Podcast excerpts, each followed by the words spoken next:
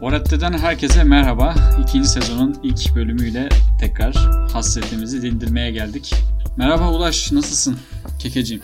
Merhaba Keke. Bu süreçte tabii online'a da biraz daha fazla dahil olmuş olduk. Bugün de aslında bunun üzerine biraz konuşuruz diye tasarladık. Ee, dijital ayak izimiz biraz daha büyüdü ve e, aslında geçmişten bugüne bizim için e, hayatı deneyimlemenin de bir e, transformasyona uğradığını görüyoruz. Biraz e, ben online'ın geçmişine yani çevrim içi hayatın tarihselliğine değinip pası sana atmak istiyorum.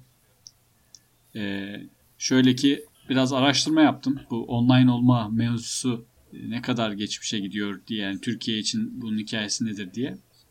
Aslında benim için online dediğimde ilk aklıma Mirç programı geliyor. Bu sohbet içeriği olan hani e, geniş bir sohbet programı.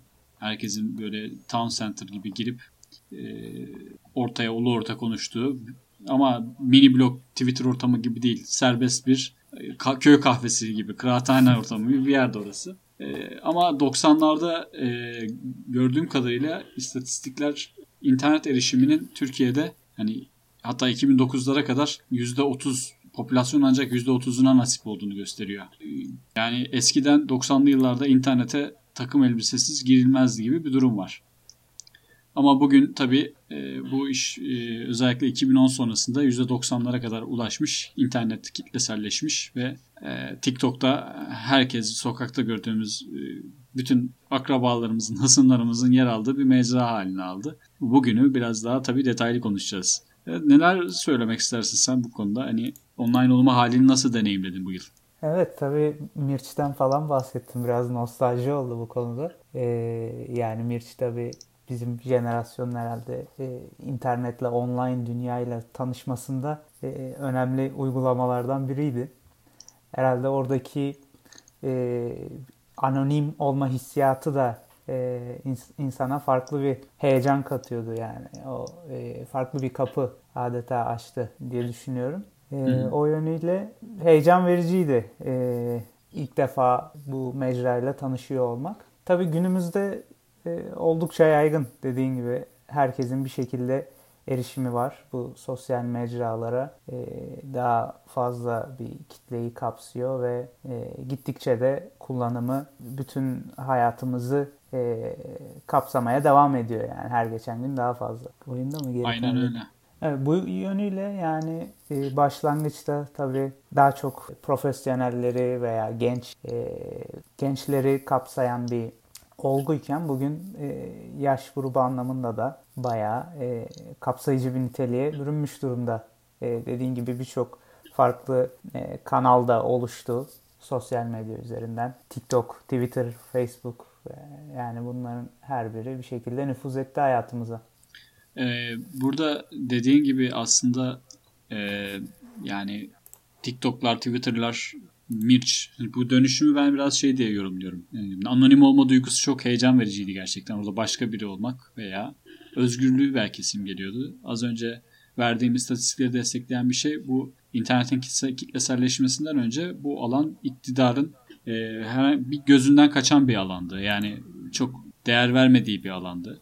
Ebeveynin de olmadığı bir yerde. Hepimiz e, ben en azından 90'lı yıllar çocukluğunu yaşayan biri olarak burada e, bu özgürlüğü ve yeni fırsatların heyecanını yaşadım. Ve sonra bence bu sohbetten şeye evrildi. Yani e, mini bloklara, önce tabii daha uzun bloklar. Hani neydi o?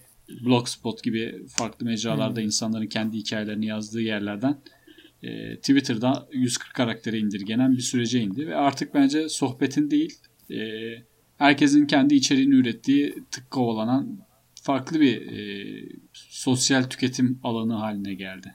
Evet ee, yani e, bugünkü kullanımına da baktığımız zaman veya işte e, az önce bahsettiğimiz Mirç gibi e, uygulamalara da baktığımız zaman orada e, bir diğer özellik de hani gerçek hayatta temas edemeyeceğin e, farklı e, sosyal statülerde olabilir veya farklı çevrelerde insanlarla e, karşılaşma imkanını da yaratıyor veya işte bugünkü mini bloklarla veya daha uzun şekilde içeriklerin paylaşıldığı bloklarla insanlar e, normal şartlarda kendileri ile temas kuramayacak kitlelere e, bir şekilde hitap edebiliyor veya etmeye çalışıyor. Böyle bir imkan yaratması e, dolayısıyla aslında hani sosyal medyanın e, medyada bir demokratikleşme getirdiği de tartışılabilir. Tabii hani bunu en ideal biçimiyle var olduğunu şu an söylemiyorum ama hani böyle bir etkisinin e, olduğu da tartışılabilir bence. Doğru. Yani e, özellikle medya e, Türkiye'den bakarsak medya özgürlüğünü falan da konuştuk geçen e, sezonda. E, medya patronluğu 90'lardan sonra biraz daha özel ve gerçekten patronlara e, geçmiş bir e, durumdaydı. Yani Babali tarafı biraz daha böyle e, aydın entelejansiyanın e, tutkunu tutku olarak yaptığı belki bir iş, etik olarak farklı motivasyonlarla yürüyen bir işken işte 90'larda biraz daha iş dünyasının e, sahipliğine evrilmişti. Bugün daha bağımsız yine medya araçları çıkabiliyor. Tam da bu söylediğin nedenden dolayı aslında Castells, bilişim Manuel Castells diye bir sosyolog var. E, çokça meşhur. Ben bu e, konuyu araştırırken denk geldim. Onun e, Marksist teoriyi güncel bir şekilde yorumlama çabasında aynı zamanda bu desentralizasyon ve e, bilişim çağı kavramlarında yine bu e, sosyal medya e, ve network alanının oluşması ve genişlemesine dayandırdığı bir tezi var. Bu da e, iktidarın ve işte iletişim araçlarının artık insanları coğrafyaya, zamana ve dile sınırlamadan eş güdümlü bir şekilde birbirine buluşturabileceği bir imkan alan açtığını söylüyor temelde. Ve bu sosyal çatışmaları dönüştüren radikal bir teknoloji olarak öne çıkıyor onun söylemiyle. Tam da bu noktada dediğin özgürlük alanını açmış oluyor aslında. Evet yani aslında e, bu boyutuyla beraber aynı zamanda e, toplumsal hareketlere de önemli e, etkisinin olduğunu da gözlemleyebiliriz. İşte bu Arap Baharı, Occupy hareketleri bunun güzel örnekleri ve daha bunun e, farklı örnekleri de var konuşulabilir. E, sosyal medyanın oldukça etkili olduğu Doğru. olaylar bunlar. dolayısıyla bu yönüyle de etkisi oldu toplumlara. Hatta işte Arap Baharı'nda ilk böyle bir şey ortaya çıktı. Evet, e, şimdi tabii Castells burada e, enformasyon çağı, enformasyon toplumu e, gibi kavramlara da atıfta bulunuyor sanırım. Ben de hı hı. E, yine seninle daha önce sohbet ettikten sonra öyle e, biraz yazılıp çizilenlere bakarken e, Christian Fuchs isimli birinin Dijital Emek ve Karl Marx isimli bir kitabını kitabına denk geldim. Yine e, Ahmet Tonak Hoca'nın son günlerde yazdığı bir makale vardı. Bu dijital emek kavramı ile ilgili. Aslında bu e, Fuchs'un e, kitabında e, bu işte enformasyon çağı, enformasyon toplumu gibi kavramlara e, mesafeli yaklaşıyor. Yani böyle e, bir dönüşümün yani toplumun tamamıyla e, dönüştüğünün e, dönüştüğü tezine e, karşı çıkıyor. Yani hmm. toplumsal sınıfların e, arasındaki çelişkinin devam ettiğini, sömürünün devam ettiğini, e, bu anlamda bir dönüşümün gerçekleşmediğini söylüyor. Bir de burada tabii e, dijital emek üzerine de e, söyledikleri var. Yani onlar da biraz benim ilgimi çekti açıkçası. Burada işte sosyal mecralarda kazanılan karların ve bunun hangi yöntemlerle e, elde edildiği elde edildiğine değinmiş. Hı hı. E, örnekse işte e, özellikle bu günümüzde kullanılan sosyal mecralar birçoğu e, reklam üzerinden, reklam gelirleri üzerinden e, kazançları oluyor bir şekilde veya verileri işte bu e, hedef kitlelerin verilerini satarak e, bir şekilde gelir kazanıyorlar. E, tabi burada e, bir artık değer veya kar ortaya çıkıyor ve bu karın e, ortaya çıkmasındaki e, süreç, ortaya konan emek aslında bu mecraları kullanan kişiler tarafından ortaya konuluyor. Yani e, öne sürülen veya e, tartışılan konu bu kitapta. Hı hı.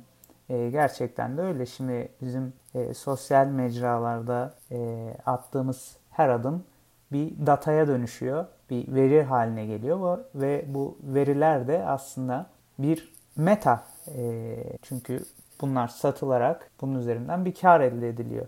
Ve hı hı. bu, bu verileri ortaya çıkaran da kullanıcılar ve aslında buradaki emek onlara ait. Yani bir bakıma e, ücret ödenmeyen bir emek gücü gibi bir durum ortaya çıkıyor. O klasik söz e, eğer bir şeyin ücretini ödemiyorsanız orada ürün sizsinizdir diye bir laf var. Hani oraya geliyor evet. iş. Ee, burada ürün bir tarafta aslında diğer taraftan çalışansın yani. E, ha, evet. O veriyi sen üretiyorsun ve sana bir ücret öde yani oradaki emeği sen ortaya koyuyorsun diyelim e, ve sana ücret ödenmiyor. Mesela bu dijital pazarlamada falan da vardır. E, işte pay per click işte tık başına ödeme yapılıyor falan e, gibi uygulamalar var mesela. E, reklam uygulamaları, kampanyaları. E, orada kullanıcı e, tıkladıkça onun üzerinden para kazanılıyor. Dolayısıyla evet. oradaki e, mesai yapan e, aynı zamanda şey tıklayan, linki tıklayan diyelim. Dolayısıyla yani, kullanıcı. Ben bunu pek yani değer üretiyor bu aşamada bilmiyorum çünkü bu zaten katma değerli bir iş de değil bir yandan. Hani Marx'ın gözüyle baktığında orada bir değer üretmiyorsun. Hani o şeye de der ya bilmiyorum hani hukuk katma değerli bir iş değildir. E, hatta eğitim de öyle değildir Marx'ın bakışıyla. Yani evet. Marx çünkü metanın tamamen fiziksel olduğu bir dünyaya aitti. Ee, aslında burada iş modeli burada tık başına para alınması gibi bir kavramı kabul ettirdikten sonra e, başka bir konu açmış gibi olacağım ama yani internet ve sanal dünyanın ticarileşmesi biraz işi başka boyuta taşıdı. Samimiyetini götürdü diye de söyleyebiliriz. Buradan sonra her şey metalaştı. Dediğin gibi e, internet kullanıcıları da e, belki işçi gibi hani bu emek hı hı. emeği üreten e, birimler gibi de algılanabilir. Ama yani şimdi e, bunun konvansiyonel medyadan ne farkı var? Televizyon izleyen de o zaman değeri mi üretiyordu? Çünkü sonuçta reklamda o zaman e, evlere konulan o dekoderlerden işte kaç kişi izliyor, rating nedir diye ölçülerek reklam payları dağıtılıyor sonuçta. Öyle değil mi? Yani şöyle e, dijital alanda bu daha farklı oluyor. Çünkü e, buradaki yaratılan değer kullanıcının aktivitesine bağlı. Yani e, televizyonda yapılan reklamcılık e, atıyorum kanal ve şirket arasındaki e, ticari ilişkiden e, ortaya çıkan bir anlaşma. Ama e, sosyal medyada, sosyal mecralarda yapılan ise şimdi biz mesela Facebook, Twitter, YouTube her neyse e, buralarda içerik paylaşıyoruz işte veya e, bazı şeyleri beğeniyoruz, bazı insanlarla e, etkileşimde bulunuyoruz işte e, bu mecralar üzerinden. Dolayısıyla ortaya çıkan değer e, veya veriler bu e, hareketler üzerinden ortaya çıkıyor. Dolayısıyla bunun yaratıcısı biz oluyoruz burada e, olayı yaratan ve değer meselesi de şöyle ortaya bir kar çıkıyor bunlar üzerinden. Hı hı. E, dolayısıyla bir e, artık değer var yani bir metalaşma durumu var. E peki ee, şeyi diyeceğim Abbas Güçlü'ye katılan o üniversite gençleri de Abbas Güçlü'nün maaşından bir tık isteseler miydi yani katılıp katkı verdikleri için genç bakışta. yani e, davet üzerine giden isteyebilir aslında. e, tabii arz talep meselesi tabii. bu işler. Yani tabii ki bu e, Fuchs'un önerdiği şey e, radikal olması lazım. E, bir yandan e, okumaya da ben de bakayım detayda mutlaka destekliyordur. Ama bu sorularda kafamda oluştu. Dediğin kısımda aslında bizim metalaşmamız tarafında e, kullanıcı olarak rahatsızlık da ön plana çıkıyor. Yani, yani bu işten benim karım ne bakışı şu an bende onu yaktı biraz. evet. Yani tabii... Nerede benim ücretim? Ekşi sözlük e, şeyleri, paraları, maaşları yatırmadı diye ara ara şey çıkar. Böyle bir e, soru işareti yarattı ama tabii bir şöyle, yandan da... E, e, mesela Facebook, Google e, gibi mecralar da e, bu kar o ortaya çıkıyor ama örnekse e, farklı mecralar da var. E, bu modelin böyle çalışmadığı işte içeriği yine e, kullanıcıların girdiği ama ortaya bir kar e, çıkmadığı modeller de var. E, çalışma modelleri. Yani ne gibi? E, buna örnek verirsek mesela e, işte Democracy Now veya e, WikiLeaks diyeyim. Hmm. E, veya Wikipedia'da e, buna örnek verilebilir sanıyorum. E, orada da yine içerikler kullanıcılar tarafından hazırlanıyor. Evet. E, dolayısıyla hani böyle bu tarz mesailer de var ama sonuçta bir bunun üzerinden bir kar yok yani. Şey peki YouTuber'lara ne diyeceksin? E, hangi konuda? Yani YouTuber'lar bu içerik sağlayıp e, kardan da pay alıyorlar. Ama Hı. videoyu izleyenler tabii para kazanmıyor. Sen videoyu izleyenler tarafından mı bakıyorsun sadece? Ee, yani burada tabii e, ben kitaptan daha çok yola çıkarak yorum yapıyorum da e, tabii tabii aynen öyle. Hı. Anlamaya çalışıyoruz zaten. Evet. evet e, yani burada tabii zaten sömürünün yaşandığı tek alan burasıdır demiyorum ama aslında çok gözden kaçan ve yani hiç düşünemeyeceğimiz enteresan bir nokta evet. e, olarak geldiği için benim dikkatimi çekti. Yani Sen aslında... Enis Batur'u savundun. Çıkar göster. yani şimdi e, YouTuber'lardan ziyade yine orada şöyle bir, bir pasif ve e, hani emek olmadığını düşündüğümüz bir emek var tabi. Orada e, izleyici veya işte beğenmeler falan olmasa e, o içeriğin sağlayacağı kar da düşük olacak. Kesinlikle doğru. Yani dolayısıyla oradaki tık alması, beğeni alması e, bunlar şey gelir getiren veya kar getiren aktiviteler. Yani tamamı yani, olmasa bile bunlar bir bir dönüp bir dönüp beni sizler var ettiniz demesi lazım en azından. yani en azından bari bir sözlü olarak gönlümüzü hoş etsin değil mi? Bu e, şeyi karı yiyenler. Bir de e, bu e, online ile ilgili şey var. Ona da kısaca e, ben bahsetmek istediğim bir konu vardı. E, surveillance kapitalizm diye bir kavram var. Gözetim kapitalizmi. Hani dediğin konuyu da destekleyecek bir şey. Aslında sen burada bir patern yaratıyorsun. Yani ulaşın, girip internette ulaştığı siteler bir müşteri profili çıkartıyor. Ve bu müşteri profilini satıyorlar e, şey firmalara. Diyorlar ki sen ulaş gibi insanlara ürün üretebilirsin. Sana bu adamın datasını satarım. Dediğin aslında böyle bir e, case Hı-hı. daha açıklayıcı belki. O geldi aklıma. Bununla ilgili de hani e, gözetim kapitalizmi kavramıyla da bunu eşleştiriyorlar. Çünkü artık e, her hareketimiz bir iz bırakıyor ve bu saklayamayacağımız bir iz. Bunun üzerine çokça e, tartışma da dönüyor. Hatta bilgi güvenliği de konuştuk hatırlıyorum geçen sezon. Evet, bu konuya evet. da biraz değinmiştik. Zaten ee, orada burada... da e, hı, pardon. Buyur buyur. E, yani e, bu işte şeyden de gelecek geleceğe dair senaryolarda bu veri güvenliği ile ilgili işte insanların e, verilerini paylaşan insanlara işte belli bir maaşın ödenmesi falan gibi e, hmm. senaryolara da denk gelmiştim orada. Tabii ne, bu olur mu olmaz mı ayrı bir mesele de ya da olması gerekir mi gerekmez mi? E, daha farklı etik tartışmalar da yapılabilir bu konuyu. Yani e, tabii Castells mesela orada şey diyor e, aslında informatik çağ bir yandan endüstri çağının sonu olması itibariyle böyle bir isimlendirmeye gidiyor. Dördüncü endüstri demiyor. O da bir söylem. Evet. Ama bir yandan da diyor ki artık endüstri değil artık bilgi e, metalaştı. Ürün skopun dışında artık odaklanmamız gereken bilgiden nasıl ürün devşireceğimiz ve bunu nasıl bir iş modeli haline getireceğimiz. O yüzden hani bu gelecek planı bence e, şu anda afaki görünse de e, iş modeli oturduğu anda hayatımıza bir anda girer yani. Stresli Zebra'nın da e, şey dataları, e, internet ayak izi bir anda şey olabilir, ürünleşebilir.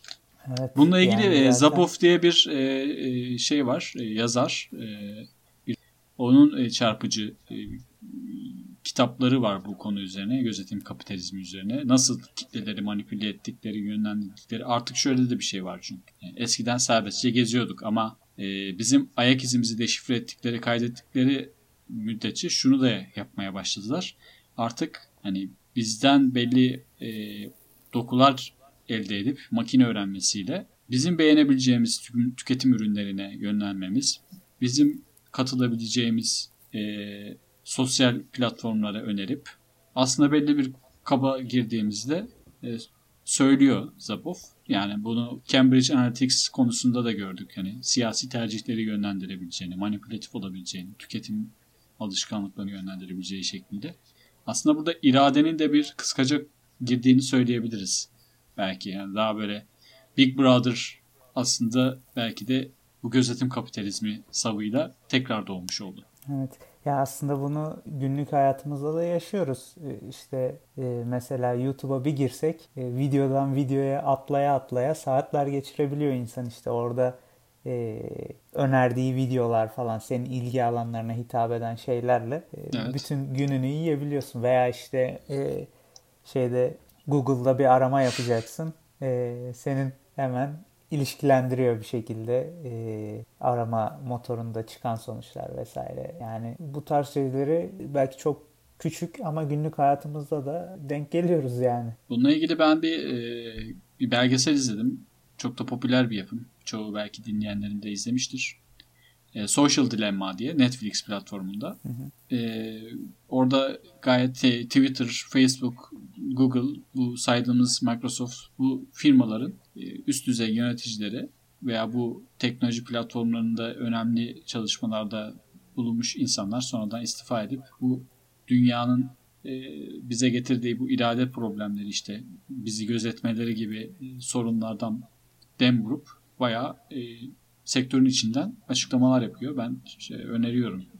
Çarpıcı bunları duymak. Yani işi bilenden duymak da ayrıca evet. çarpıcı. Ee, evet. Birazcık beyin fırtınası gibi de oldu. Ee, bekleyip göreceğiz tabii nasıl evrileceğini. Çünkü e, şu anda mesela Biden'ın ajandasında şey olduğunu da biliyorum ben. E, Twitter, Facebook, Google gibi teknoloji devlerinin yani kapitalizm tarihinde görülmeyecek büyüklükte tröstler haline geldiğini söylüyor demokrat kesim. Buna dair de burada rekabeti öldürecek düzeyde bir büyüklükten söz ediyorlar. Bu firmaların küçültülmesi zorla yani devlet zoruyla rekabetçi bir ortam yaratmak için küçültülmesi gibi bir gündem ajandası olduğunu da biliyorum. E, bu da önümüzdeki senaryoyu değiştirebilir. Şeye ne diyorsun? E, Twitter Twitter'ın Trump'ı sansürlemesini.